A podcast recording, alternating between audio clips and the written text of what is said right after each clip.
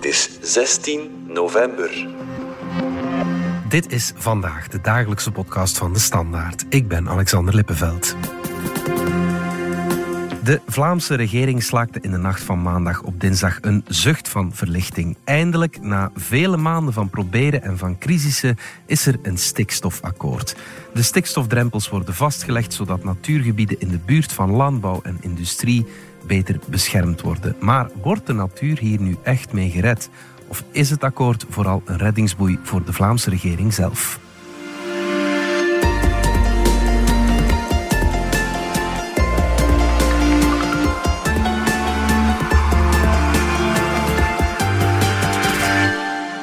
Het belang van dit akkoord is immens. Immens voor het behoud van de Vlaamse welvaart. Met dit stikstofakkoord vermijden we dat Vlaanderen in een economisch horrorscenario terechtkomt. We vermijden die gevreesde vergunningenstop. Dat was Vlaams minister-president Jan Jan Bon op de persconferentie dinsdagochtend. Hij was natuurlijk heel erg blij met zijn uh, nieuwe stikstofakkoord. Jeroen Strijs van onze politieke redactie. Eindelijk een akkoord. Uh, dat uh, moeten ze wel gedacht hebben bij de Vlaamse regering. Eindelijk nog eens een akkoord. Nog eens een akkoord. dit is de derde keer al dat er een uh, politiek akkoord over stikstof wordt gesloten. Hè? Ja, ja, inderdaad. Ik kan me voorstellen dat jij ook wel blij bent om dit hoofdstuk af te sluiten? Goh, het hoofdstuk is niet, niet afgesloten. Mm. Dit gaat nog wel even aanslepen hoor. Ja, ja, voor okay. wie denkt er nu van af te zijn. Zoals misschien sommige ministers. Ik ben blij dat je daar niet uh, naïef over bent. maar zeg nog eens even waarom we zo'n stikstofakkoord een derde stikstofakkoord nodig hadden? Wel, ik vind het inderdaad belangrijk om erop te wijzen dat dit niet allemaal zomaar is. Er is te veel stikstof in de lucht in Vlaanderen. Mm-hmm. En misschien belangrijk, dat wordt wel eens vergeten, maar die is ook slecht voor onze volksgezondheid. Mm-hmm. Hè? Voor wat wij inademen is dat ook niet goed. Ja, nee, ja. Maar het is allemaal wel aanhangig gemaakt uh, omwille van wat plantjes in natuurgebieden. En dat heeft alles te maken met hoe recht werkt. Mm-hmm. Namelijk, er zijn enkele natuurgebieden die door Europa beschermd zijn. Wij hebben die zelf aangeduid. De Vlaamse politiek heeft die in de jaren 90 aangeduid. En Europa heeft dan vervolgens gezegd, ja oké, okay, daar horen dan ook instandhoudings doelstellingen bij. Hè. Je moet die natuur in die Natura 2000 Natura gebieden, 2000, ja. hè, dat zijn die Europees beschermde gebieden, daar moet je die natuur ook in stand houden en verbeteren. Ja. En een van de meest efficiënte manieren om dat te doen in Vlaanderen is aan die stikstof werken. Want die stikstof, het teveel aan stikstof in lucht en bodem, zorgt ervoor dat bepaalde planten zoals bramen, het helemaal overnemen. Ja. En, en, kleine kwetsbare plantjes, die misschien uniek zijn in de wereld en die in bepaalde Vlaamse natuurgebieden wel groeiden, groeien, mm. het is steeds minder mate door die stikstof, die raken overwoekerd, die plantjes, door sterker planten, planten die beter tegen stikstof of beter in stikstofrijke gebieden gedijen. Het is met andere woorden essentieel voor de biodiversiteit en uh, ja. dat is belangrijk natuurlijk. Wat belooft dit stikstofakkoord nu? Wel, er zitten een aantal generieke maatregelen in, zoals dat heet. Maatregelen die in de algemeenheid gelden en die zullen zorgen voor een daling van stikstof. Mm-hmm. Een daling tegen 2030 van uh, 30 procent. Okay. Dus een stevige daling. Er is eigenlijk de afgelopen uh, halve eeuw een flinke daling geweest al van stikstof. Hè. Vooral dankzij de industrie. De industrie is efficiënter geworden en heeft voor een flinke daling gezorgd. Ja. Er gaat ook een automatische daling komen nu met de elektrificatie van het verkeer. Maar we zien wel dat er een stabilisering is gebeurd de afgelopen jaren. En daarom wou de Vlaamse regering ingrijpen. En met name de landbouw moet nu een inhaalbeweging maken. En dat zou leiden nu, die maatregelen, dat die stikstofuitstoot van de landbouw zal dalen van 37.000 ton mm-hmm. naar 18.000 ton in 2030. Ja, dat is ton halvering stikstofuitstoot is dat, uh, per jaar. Een halvering voor Ja. de landbouw. Ja. Dat En is het doel. Is dat dan genoeg om de natuur te beschermen? Want dat is het doel natuurlijk. Ja, dat is een uh, vraag voor de vrienden van Natuurpunt. Hè. Ja. Uh, en de vraag is ook natuurlijk of die maatregelen effectief daartoe zullen leiden. Voor een stukje zit daar ook wel wat voluntarisme in. Namelijk bijvoorbeeld boerderijen kunnen luchtwassers kopen, waarmee ze dus de varkensboerderijen bijvoorbeeld kopen dan luchtwassers. Mhm. Maar er is eigenlijk wel al uit wetenschappelijk onderzoek worden daar hele grote vraagtekens bij gesteld bij die effectiviteit. Oké. De emissievrije stallen bijvoorbeeld. Dat, dat is ook zoiets, ja. Hmm. Men rekent een beetje op technologische innovatie, maar die emissievrije stallen blijken dan toch niet zo goed te werken als ze in de proefopstelling Ja, werkten. ja. Ja. Dus het blijft wat theorie. Er zijn ook versoepelingen in dit akkoord vergeleken met die twee voorgaande akkoorden dan. Hè? Ja, dat is toch in elk geval wat CD&V meent verkregen te hebben. Iets meer perspectief voor de landbouw. Dan gaat het onder andere over de drempels waarmee gewerkt wordt. Die drempels, dat is ja, de impactscore die een boerderij mag hebben. Die impactscore, ja, dat is een meetinstrument. Welke impact mag een boerderij hebben op de stikstof in een bepaald natuurgebied, in, Ja. een, in een nabijgelegen natuurgebied?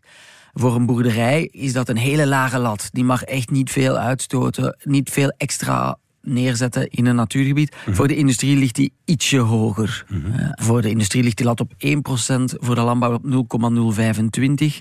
Vlaams Belang zegt dus, voor de landbouw is de lat 40 keer zo streng. Ja, ja, Kun je ja. inderdaad wel zo zeggen. Oorspronkelijk was er afgesproken dat voor de landbouw die lat op 0,025, eender wie meer uitstoot, krijgt geen vergunning. ja. Nu is daar een, een versoepeling in gekomen op vraag van CD&V.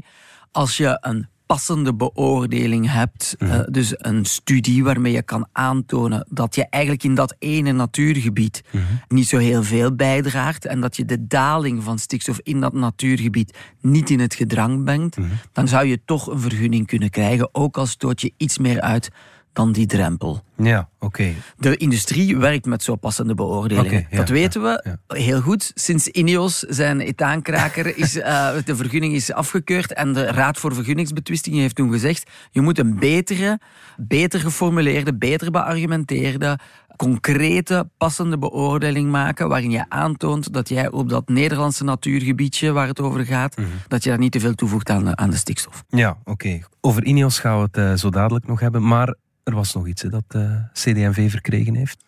Ja, er was nog een punt dat ook al lang meegaat. En dat gaat over. Ja, dit dossier zit vol lastige termen. Maar het is niet helemaal. Het is, het is we iets. een lastige termen alarm hebben, Jeroen, dan ging het eh, continu af. Maar bon. De ministers zeggen zelf dat het een zeer complex dossier is. Ehm, het gaat over, eh, ze noemen het extern salderen. Eigenlijk is het niet zo heel complex. Het gaat erom dat als boerderijen rond een natuurgebied ermee stoppen, de boer gaat op pensioen, dan zou dat extra ruimte creëren voor andere boerderijen om toch iets meer uit te stoten. Ja, oké. Het lijkt ergens de logica zelf, hè. behalve natuurlijk, ja, je wil wel de stikstof naar beneden halen. Hè. Dus daar zit ergens een... een Dat, dat leidt eerder tot een status quo dan tot een daling. Ja, zoiets. dat is de vraag ja, natuurlijk in hoeverre je kan daarmee schuiven ergens. Hè.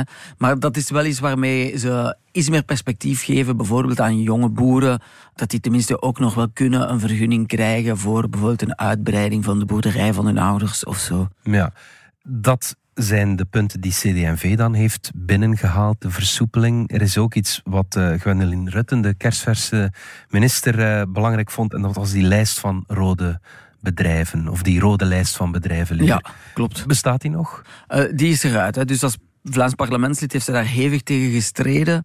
En nu ze zelf minister van eh Binnenlands Bestuur was, kon ze zich dus mee in die gesprekken werken. En ze heeft die eruit gekregen. Dat noemt ze haar verwezenlijking. Die lijst is weg. Er zijn geen bedrijven meer die verplicht moeten sluiten. Daar stonden eigenlijk de namen van 41 boerderijen op. Die moesten sluiten. Daar is geen sprake meer van. Ze krijgen nu de keuze. Ofwel zeggen ze, oké, wij sluiten en wij aanvaarden de flinke vergoeding die daar tegenover staat. Want er staat dus een compensatie tegenover vanuit de Vlaamse overheid.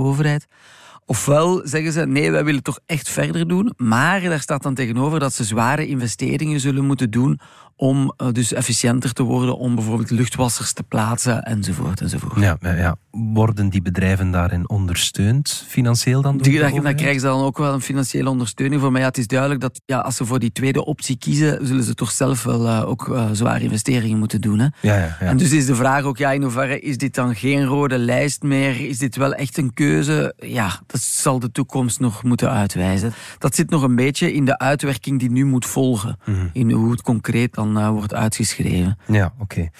Die verdere uitwerking, dat is natuurlijk heel belangrijk. Afgelopen zomer hebben we wel gezien ja, dat het juridisch allemaal heel sluitend moet zijn. Toen de Raad van State dat dat decreet, dat voorstel van decreet, dat ze dat met de grond gelijk hebben gemaakt. Is dit nu juridisch helemaal sluitend, denk je? Het is opvallend dat geen enkele minister daarvoor de hand in het vuur durft te steken.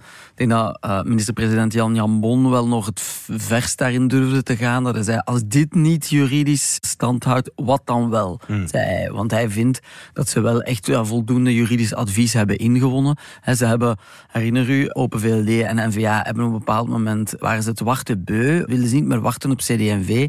En hij hebben Bart de Wever en Tom Ongena, de voorzitters van NVA en Open VLD, zijn ze zelf naar het parlement gestapt met dus een voorstel van decreet, want ze willen zo snel mogelijk het advies van de Raad van State daarover. Mhm. dat, dat kregen ze dan, dat was inderdaad erg scherp uh, op een heel aantal cruciale punten van dat uh, voorstel van decreet.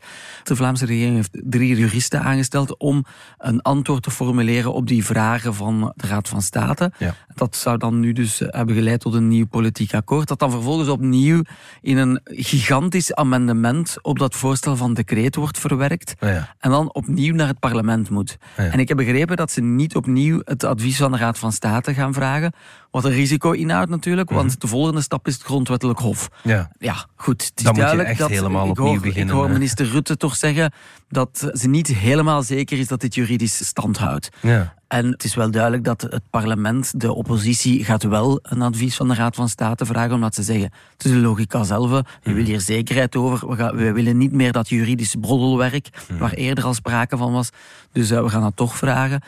Dus we zullen zien wat daar dan nog uitkomt. Hè. Of dat nu de argumentatie bijvoorbeeld van het gebruik van die drempels wel uh, goed in dat uh, amendement dan staat. Ja, wat zeggen milieu- en natuurorganisaties hierover? Het viel me wel op dat ze nogal terughoudend voorlopig reageren. Dat heeft er ook mee te maken dat ja, die echt concrete uitwerking er nog niet is. Het enige wat we nu hebben is een politiek akkoord. Mhm. En dat moet dan nog vervolgens uitgeschreven worden de komende weken. Jan Bon heeft zich daar twee weken voor gegeven. Dat is niet veel. Nee. Mhm. Ik hoorde gisteren Lode Seijsters van de Boerenbond. En die zei dat het toch nog even daarop wil wachten, op, de, op die concrete uitwerking.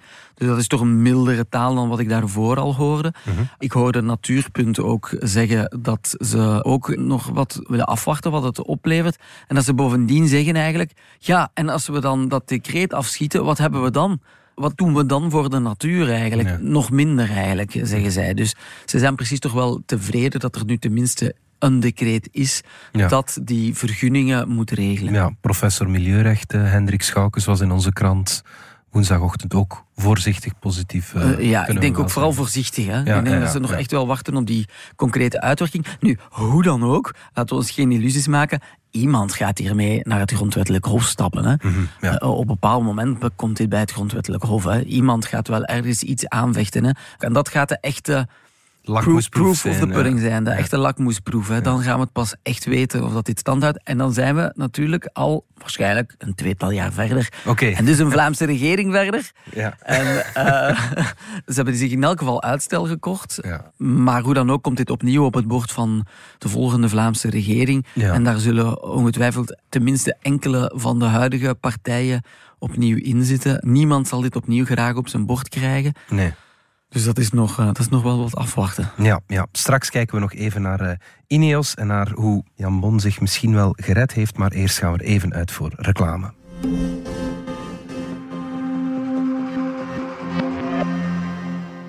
Schatje, zullen wij verder bouwen aan onze Lego Cabrio? Um, Wat?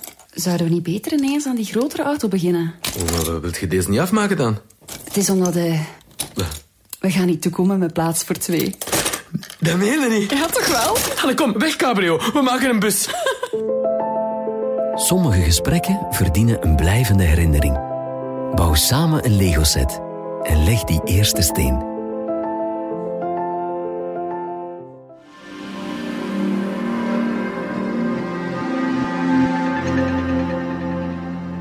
Goed, Jeroen, terug naar jou. NVA wilde heel graag een akkoord, Bart Wever dan vooral, om die etaankraker van Ineos in de Antwerpse haven eindelijk te kunnen vergunnen. Hoe zit het daar nu mee met dat uh, dossier? Want dat is wel een van de symbooldossieren van. Uh... Dat was inderdaad de argumentatie van Bart de Wever. Mhm. Een decreet gaat die aanvraag van Ineos juridische grond onder de voeten geven. Mhm ik hoor dat inderdaad nu in de Vlaamse regering. Eerlijk gezegd, ik heb er ook wel wat twijfels bij. En bijvoorbeeld een professor als Kurt de Ketelaar heeft daar ook twijfels bij. En dan gaat het met name om het feit dat die vergunning van Ineos is afgekeurd omwille van een slechte passende beoordeling. Toen was er helemaal geen decreet. Nu is er wel een decreet, maar nu gaat Ineos ook een betere, beargumenteerde, passende beoordeling nodig hebben om een vergunning te krijgen. Die betere passende beoordeling, die hebben ze nu. Hè, 800 bladzijden. Ze hebben echt wel hun huiswerk gemaakt. Ja. Het is een, een opsomming van allerlei kwetsbare plantjes in natuurgebieden waar die fabriek van Ineos effect op zou hebben. En daarin staat dan beschreven hoe kwetsbaar dat plantje is voor stikstof en hoeveel extra stikstof Ineos daaraan zou toevoegen en of dat, dat dan werkelijk iets zou betekenen voor dat plantje. En Ineos is ervan overtuigd dat dat een verwaarloosbare impact is. Het zal dan vervolgens zijn aan de minister om al dan niet een vergunning uit te reiken. We verwachten allemaal dat hij wel een vergunning zal uitreiken natuurlijk. ja, ja, ja. En dan vervolgens de Raad voor Vergunningsbetwistingen. Enfin, als er iemand naar de Raad stapt, dan zal die daar opnieuw een oordeel over moeten vellen. Hè. Ja. Maar dus ik denk, ja, of dit decreet er nu zou zijn gekomen of niet, het zal gaan om die passende beoordeling voor Ineos. En iemand als Kurt de Ketelaar gaat zelfs zo ver dat hij zegt, decreet, eigenlijk biedt dit voor niemand juridische zekerheid. Iedereen zal moeten werken met een passende beoordeling. Dat lijkt me een beetje verdergaand. En het is precies dat wat de ministers wilden vermijden. Omdat dat zorgt voor een enorme administratieve eh, romslomp. Hè.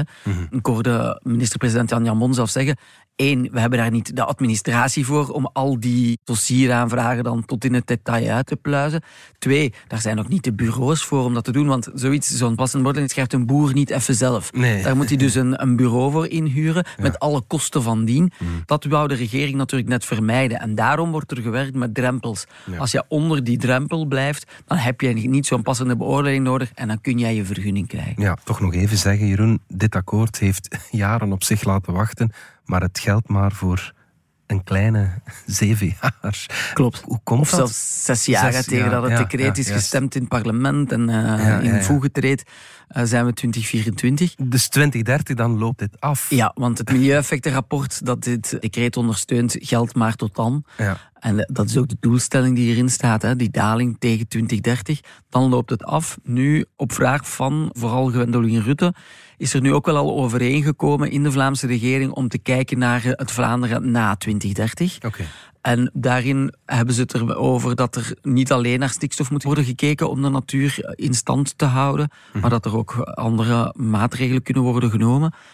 En daarin staat ook wel dat ze opnieuw met Europa willen praten over die natuurgebieden. Die zijn in de jaren 90 dus vastgelegd, maar staan die ook effectief tot in een eeuwigheid vastgebeiteld. Ja, ja. Je hoort dat iemand als Gwendoline Rutte, maar ook Jo Broens, ja, dat die wel zeggen van ja, zo'n bijvoorbeeld het Floordambos nabij de luchthaven van Zaventem. Ja, ik bedoel, dat kan je toch niet maken dat de luchthaven niet mag uitbreiden omwille van een bosje dat we daar ooit hebben uitgetekend. Dat, dat dan bovendien ook nog eens vlak langs de snelweg eh, ligt. Ja, ja, ja. Wie helpen we daarmee? Eh, we horen ook ja, dingen als bijvoorbeeld die Patersan A-verboden, die een eh, landbouwactiviteit komt in het gevaar, Mhm. omdat ze een impact hebben op het eikenbos dat ze daar zelf hebben aangelegd 900 jaar geleden. Enfin, ja. Ja, ja, ja. De- Misschien zitten daar soms ook wel onregelmatigheden in en ze willen dat opnieuw met Europa bespreken. Dat er voor een dichtbevolkte regio als Vlaanderen, dat er daar toch iets meer flexibiliteit zou moeten kunnen zijn. ja. Daar vallen dingen voor en tegen te zeggen. Hè. Natuurorganisaties zullen zeggen, ja, maar dat klein beetje natuur dat we nog hebben, laten we dat toch dat tenminste wel beschermen. Hè. Ja. Als we dat zelfs niet meer kunnen opbrengen, dan zijn we één verstedelijkte agglomeratie op den duur. Ja. Ik vind het vooral bemoedigend dat ze toch al eens verder kijken dan die horizon van zes jaar. En ik denk eerlijk Ja. gezegd dat de ambitie nog een pak hoger zou mogen liggen. Ja. Geef mij de partij die zegt, wij gaan uittekenen wat voor Vlaanderen wij willen. Uh-huh. Dat zou eigenlijk wel goed zijn Ja, naar de kiezer. Dat, dat je weet, bijvoorbeeld, N-VA zegt van wij willen een Vlaanderen dat er vooral is voor de industrie. Goed, fair enough. Teken Hmm. het uit. Hoeveel landbouw wil je? Wat voor landbouw wil je? Dat is eigenlijk een opdracht, denk ik, voor de hele politiek. En dat zou eigenlijk verstandiger zijn geweest, moest men dat werk twintig jaar geleden al gedaan hebben. Dan zaten we nu niet met die problematiek. Hmm. Want er is eigenlijk wel vastgesteld dat de keuze nu wordt gemaakt. We kunnen eigenlijk wel zonder wat varkensboerderijen, Ja. als we maar een beetje kunnen uitbreiden in de haven. Dat is uiteindelijk wel een beetje waar het op neerkomt. Hmm, En die keuze, waar willen we naartoe met Vlaanderen, die zou men nu toch echt wel moeten maken, denk ik. Ja, ja, ja, voilà. Perspectief eh, voor de toekomst. Maar goed, Niets dan lachende gezichten deze week bij de Vlaamse regering. Het is eindelijk gelukt. Waarom nu toch, na die twee ja, pogingen die toch verzand zijn in... Uh... Het viel mij ook wel op dat er nu meer lachende gezichten waren dan in maart van Ja, dit jaar, Ja, toen er ook al een politiek akkoord was, maar waarbij je toch al voelde dat meteen de frictie met CD&V er al meteen al ingebakken in zat. En Mhm. dat heeft dan ook geleid tot in juli, wanneer uh, Joop Broens weigerde zijn handtekening te zetten onder een ontwerp van decreet dat eigenlijk niet de beloftes waarmaakte die waren afgesproken in maart volgens hem. Nu zag ik inderdaad alleen maar lachende gezichten. Ja, een deel van de verklaring zal ongetwijfeld zijn dat de verkiezingen niet meer zo ver af zijn en dat iedereen toch wel ervan overtuigd geraakte dat een akkoord beter is dan geen akkoord. Ja, want, want ik denk dat we in september of augustus nog een, een podcast maakten met de vraag of het wel zou lukken. Ja, klopt. Dat contrast is heel Wel, groot hè, nu. Je ja. moet het minister-president Jan Jambon nageven. Deze clip heeft hij genomen. Ja. Dit was het moeilijkste dossier dat op zijn bord lag, zegt hij zelf. En hij is erin geslaagd om dat, voorlopig lijkt het erop, alleszins, om dat tot een goed einde te brengen. Tot tevredenheid van alle regeringspartners. Hè. Dus elke partij heeft wel iets in dit politiek akkoord waar hij trots op kan zijn richting de eigen achterban. En minister Jan Jambon heeft zijn clip genomen. Waarom kan het nu wel? Ja, ongetwijfeld heeft Ineos daar ook wel een rol in gespeeld. Heeft die urgentie verhoogd. Heeft ertoe gezorgd dat dat voorstel van decreet meteen naar het parlement werd gestuurd. En er meteen ook een advies kwam van de Raad van State. En dat advies heeft toch ook voor wat helderheid in de discussie gezorgd. Heeft denk ik toch ook bij aanwezigen aan de tafel voor gezorgd van ja, misschien heeft de ander toch wel gelijk dus. En eh, misschien moet ik dat punt toch wel inslikken. Ja. Er zijn personen aan tafel die zeggen het is dankzij Gwendoline Rutten. Is dat zo? Of ligt het vooral ook aan andere Wel, het lijkt actoren? erg vlijend. Ze is Ja. nog maar een week eh, minister en hoppa, daar is een, eh, een Dat nieuw lijkt me wel stikstofakkoord. eh, een straffe deus ex machina. Dat is, wel, dat is wel de blauwe Deus ex machina. Ja, ja. Dat is wel heel snel. Het is wel zo natuurlijk dat zij kende dit dossier als parlementslid. En dus ze viel er ook niet koud in. Mhm. En misschien heeft ze wel voor wat ratio aan tafel kunnen zorgen. Aan de andere kant was de toenadering tussen eh, De Mier en Broens wel al echt langer ingezet. Mhm. Volgens De Mier ook, omdat ze Broens bij haar thuis had uitgenodigd in Genk. Mhm. Hij belde wel eerst aan bij de buren, omdat ze een verkeerd huisnummer had gegeven. Maar sindsdien weet hij haar wel wonen. Ja, ja. En, en dus dat zou toch hebben gezorgd, want je mag niet vergeten, die twee die eh, waren een tijdje niet on speaking terms. Hè. Ik herinner mij, ik was eh, zelf bij eh, in de commissie landbouw in de zomer ergens, toen, toen ze elkaar zelfs niet in de ogen keken.